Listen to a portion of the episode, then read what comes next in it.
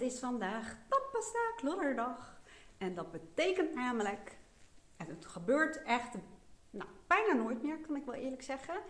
Maar dat betekent dat ik vandaag zo hyper was. En je ziet het nog steeds wel een beetje, maar ik ga zo meteen natuurlijk wel vertellen wat ik daarna heb gedaan en waarom ik zo snel praat. En dat het zo meteen weer wat rustiger wordt. Maar in elk geval, ehm, ik stond bij het kadaster waar ik toen werkte, jaren geleden, nog ehm, bekend om een aantal dingen.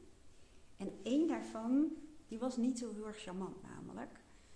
Dat ik nogal regelmatig op het werk kwam en dat sommige collega's heel discreet en subtiel mij wezen op een bepaalde vlek, op een bepaalde plek. Meer kan ik er niet over zeggen. Het was tandpasta. En uh, ik was nogal die. Uh, wat, wie stoot een ezel die zich ik denk wel 60 keer per week aan dezelfde steen stoten. Want mijn neiging was, ik had altijd haast. En dan was ik ochtends, ik weet niet wat nog allemaal aan het doen. En ik dacht echt serieus toen nog dat vrouwen konden multitasken. Nu zeg ik altijd heel eerlijk, ik ben die vrouw die niet twee dingen tegelijk kan. Ik kan een soort van switch tasken. En ik kan wel degelijk met mijn moeder aan de telefoon zijn en Ehm, de was in de wasdroger doen.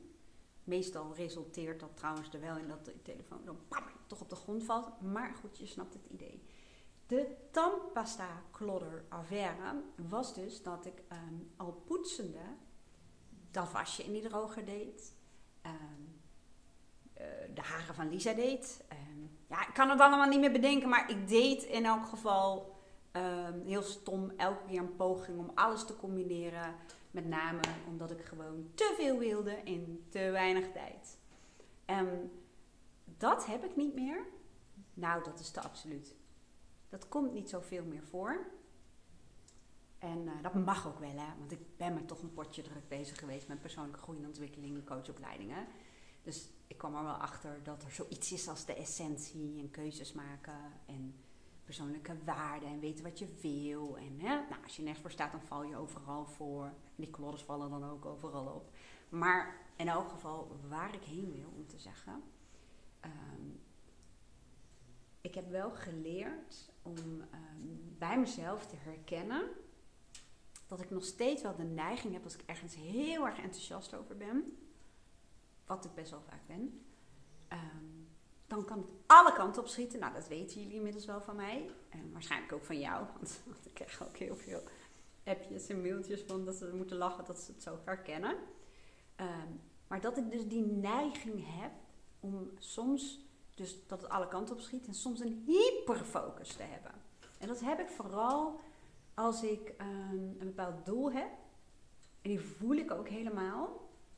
En dan zit ik in zo'n flow, zeg maar. En dan ga ik daar helemaal voor. Ehm, maar ook als ik dat dus ochtends voel, als ik opsta van, oh ja, ik ga vandaag daarmee bezig, dan kan ik nog wel de neiging hebben om toch weer te denken dat ik kan multitasken. En zo was ik vanmorgen mijn tanden aan het poetsen. En ehm, was ik ondertussen, en het klinkt heel raar, hè, zo van hoezo kan je dat niet tegelijkertijd, maar dat ging dus echt niet. Dan ligt mijn telefoon ergens en dan wilde ik nog even een ander filmpje aanzetten over funnels bouwen. Ehm, wat, waar ik heel erg tegenop had gezien en wat ik dus nu super leuk vind. Zo gaat dat ook. Maar wat ik met deze video wil zeggen is iets wat ik zo meteen ga doen om hier uit te komen. Ik laat het ook zien als het er nu is, hè. Van, dat herken je misschien wel. Het vliegt alle kanten op en het gaat overal heen. Dat je echt denkt, gaat het zo meteen nog ergens op? Het gaat, ik beloof je echt, het gaat zo meteen ergens over. Ik laat het licht erop schijnen. Nee, maar dus die hyper, hyperfocus is vaak ook dat je innerlijke pusher of je innerlijke enthousiaste kant ehm, aan het stuur zit. En die energie kan heel ADHD-erig zijn, zeg maar. En dat in één keer goed uitgesproken. En op zich is het best soms lekker om die energie te hebben.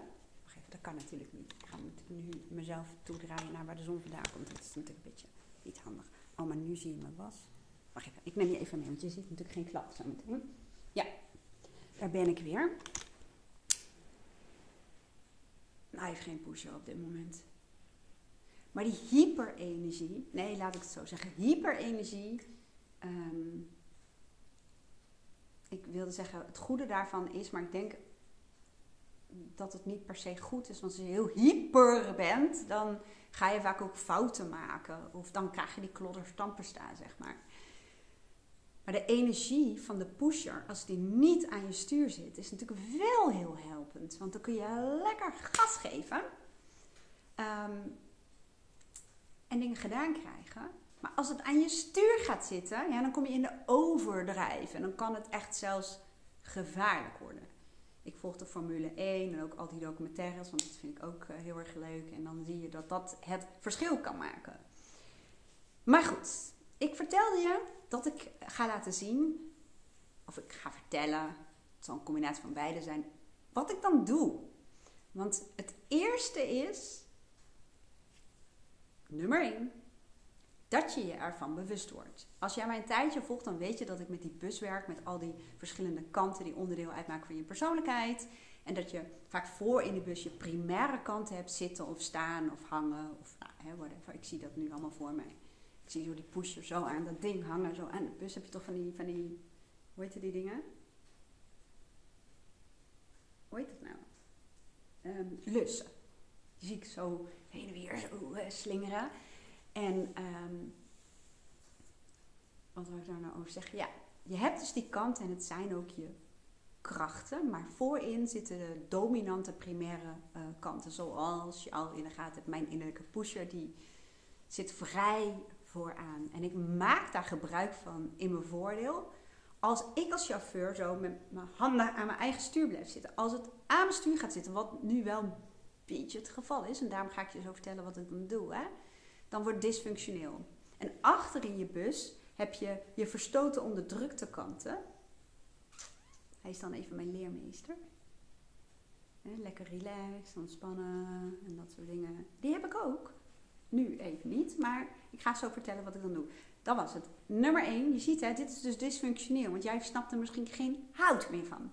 Maar ik heb ook in mij een kant die heel geordend is tot het autistische toe. En die invloed voel je ook een beetje. Dat je zegt terug, terug, terug. Je ging ergens heen.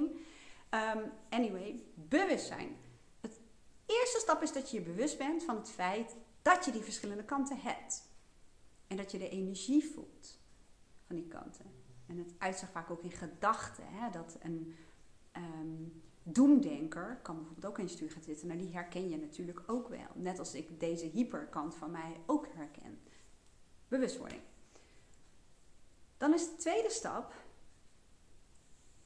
en dat is dus het bewustzijnsmomentje, erkennen en snappen dat het er niet voor niets is. Die pusher, die hyperkant, die gaat niet voor niets aan mijn stuur zitten. Die wil me helpen. Het is een beschermingsmechanisme. Het heeft een functie. Die wil ergens voor zorgen.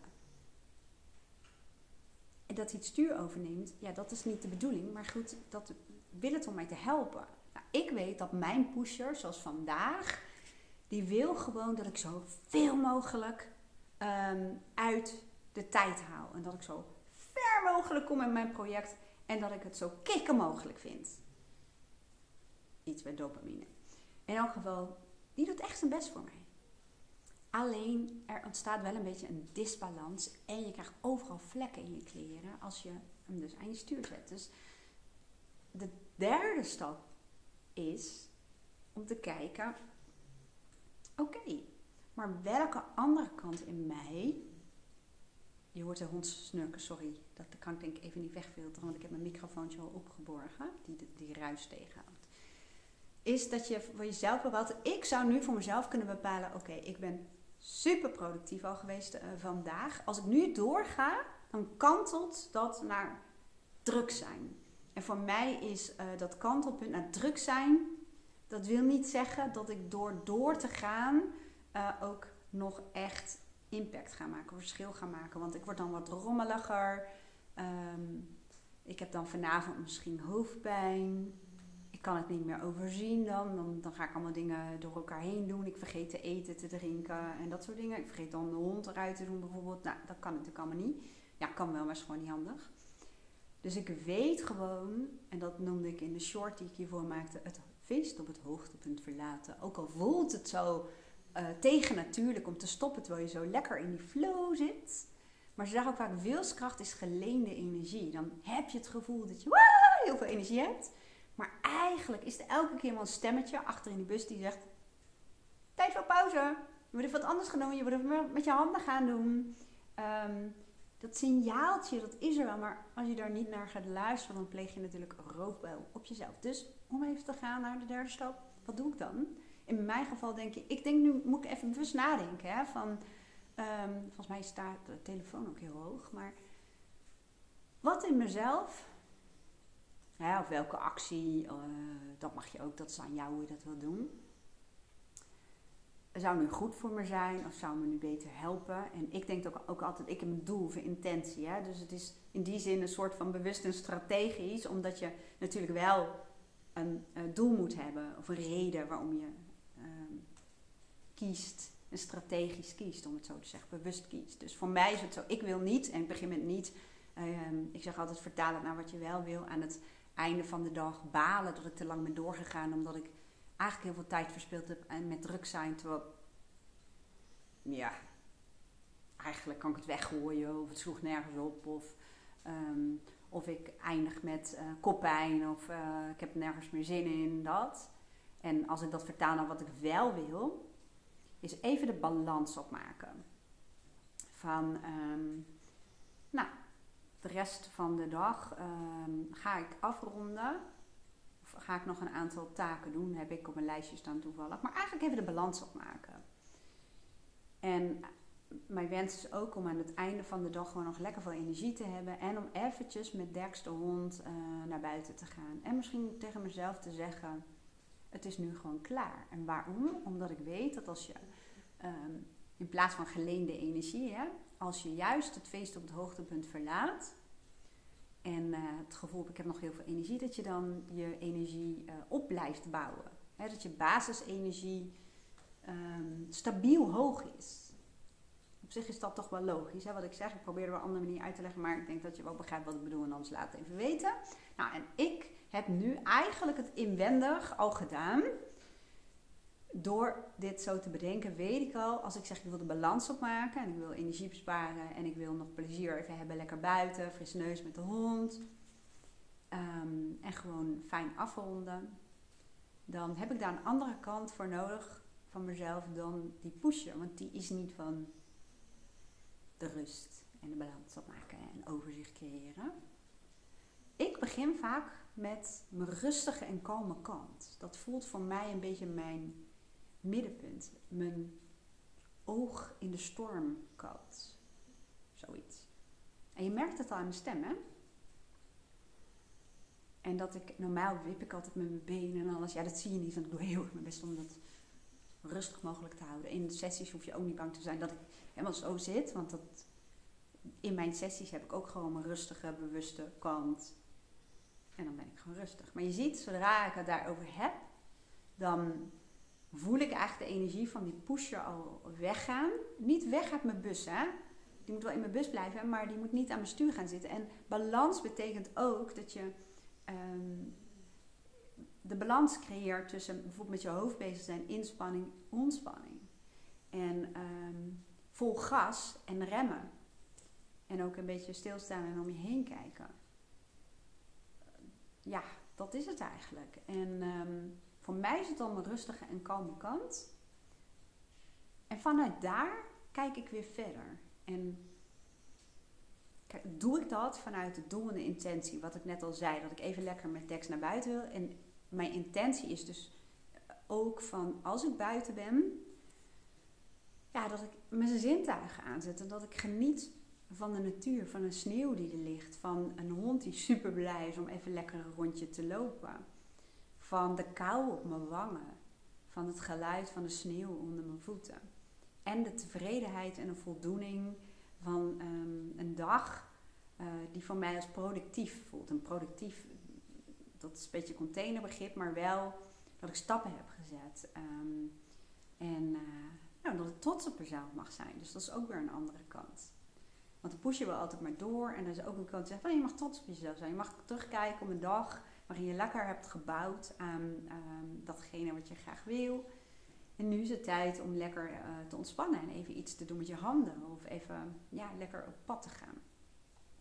En vanuit daar kan ik eventueel weer verder kiezen. Dan komt waarschijnlijk het moment dat ik mijn innerlijke in, die zit wel ook best wel aardig in, achter in de bus, en naar voren moet halen om te koken. Nou is het zo, ik hou van gezond eten. Ik hou enorm van lekker eten.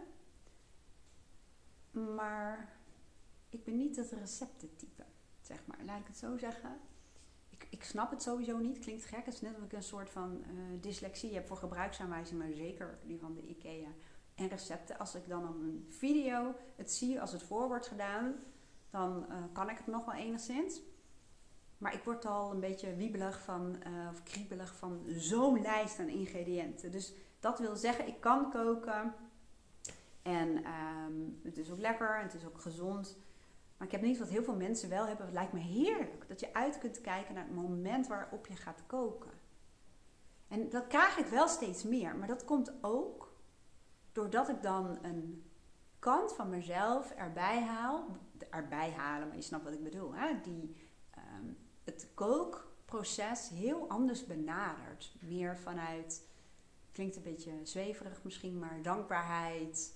Ehm, ja, voor het eten wat er is. En het bereidingsproces, de rust die je daarbij hebt. Het is, kan een soort mediteren. Ik vind snijden van groenten echt heel erg rustgevend. Vind ik heerlijk. Ehm, gewoon rustig met mijn aandacht koken en, en samen eten. En dan ja, geef je het eigenlijk een andere betekenis. Goed. Ik ga even zo, want anders zie je me bijna niet meer. Mijn leermeester. Mijn leermeesteres, onze poes Luna. En onze wasmand zie je nou ook. Zie je? Die liggen daar ook. Maar ik hoop dat je er wat aan had. Ik ben ook wel benieuwd ik ben eigenlijk helemaal niet benieuwd, want ik weet het antwoord al. Want dat weet ik omdat jullie me natuurlijk um, mailtjes sturen en uh, WhatsAppjes, die ik, uh, dat zeg ik er ook bij, echt niet allemaal kan uh, beantwoorden. Dat gaat gewoon echt niet lukken, maar ik lees het natuurlijk wel. En natuurlijk mijn klanten van mijn online academy en mijn klanten in mijn coachpraktijk. Ehm, ik weet dat, dat heel veel van jullie innerlijke pushers hebben en die zitten aan het stuur. Of perfectionisten. En um, innerlijke critici die vinden dat je van alles en nog wat moet doen. Of kanten die vinden dat je altijd maar nuttig moet zijn. Ik wilde namelijk vragen, herken je dit? Maar het is eigenlijk gewoon een retorische, stomme vraag. Want ik weet ook van veel van podcast luisteraar, video, uh, YouTube video kijkers. Dat jullie het ook hebben. Maar um, laat ik dan, ik moet even kijken. Want waar ben ik nou echt nieuwsgierig naar om te weten? Nou, ik ben wel nieuwsgierig naar van um, hoe jij jezelf dan uit die overdrijf krijgt. Waarbij ik nu suggereer dat dat iets is wat je lukt. Maar misschien lukt het niet, laat het dan ook weten. Maar ik ben wel benieuwd, hoe doe jij dat dan? Zal ik nog één uh, dingetje delen dan? Ja, jij kan nu niet zeggen ja of nee. Je kunt alleen mij uitzetten, dat kan ook. Dan heb je mij sowieso uit de overdrijf. Maar in elk geval, um, ik doe gewoon wat, uh, wat dieren ook doen. Super easy. En ik heb het ook uitgelegd in een gratis online tool. Die kun je gewoon bestellen. Volgens mij iets van stress uit je lichaam krijgen. Moet je gewoon even naar mijn website uh, gaan. En dan zie je op een gegeven moment um, aanbod online. En dan nou ja, stress, iets met stress uit je lichaam krijgen. Um, en dat is gewoon wat de dieren ook doen. Als zij stress hebben gehad, bijvoorbeeld, het gebeurt hier nog wel eens dat bijvoorbeeld de vos door de tuin heen sjouwt en uh, of in een keer heel veel vogeltjes uh, hier een of ander uh, grootschalige overleg hebben. En dan raakt ze helemaal in de stress.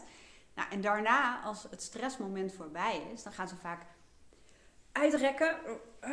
ja, niet zoals ik, hè, maar zoals dieren dat doen. Of ze gaan van die kattensprongen maken. Of Dex, zoals nu niet, hè, want die is lekker aan het slapen. Die gaat dan vooral hiermee spelen. Ja, ik weet het ook niet. Maar. Of dan gaat hij spelen en dan gaat hij helemaal gekke bewegingen maken. Dus dat kun je ook doen om een beetje af te winden. Dus je uitrekken, gapen, um, een beetje springen of dansen. En dan kun je vaak al een beetje energie kwijtraken. En je brein krijgt een seintje dat de kust veilig is. En dat stresshormonen afgevoerd kunnen worden. Zoiets. Nou, we zijn weer 20 minuten verder. Zo gaat dat dan ook. Ik hoop dat je er wat aan had. En kijk even of je al geabonneerd bent op mijn YouTube kanaal. Dat zou ik zeker doen als ik jou... Hoeft niet. Wel leuk. En als je dit volgt op Spotify of Apple Podcast of Google of um, nou, er zijn nog heel veel andere uh, kanalen, dan maak je mij en mijn hele innerlijke bus met de groeten van iedereen super gelukkig. Paul van Kamp die niks kan schelen, maar ik zou niet weten waar die zit.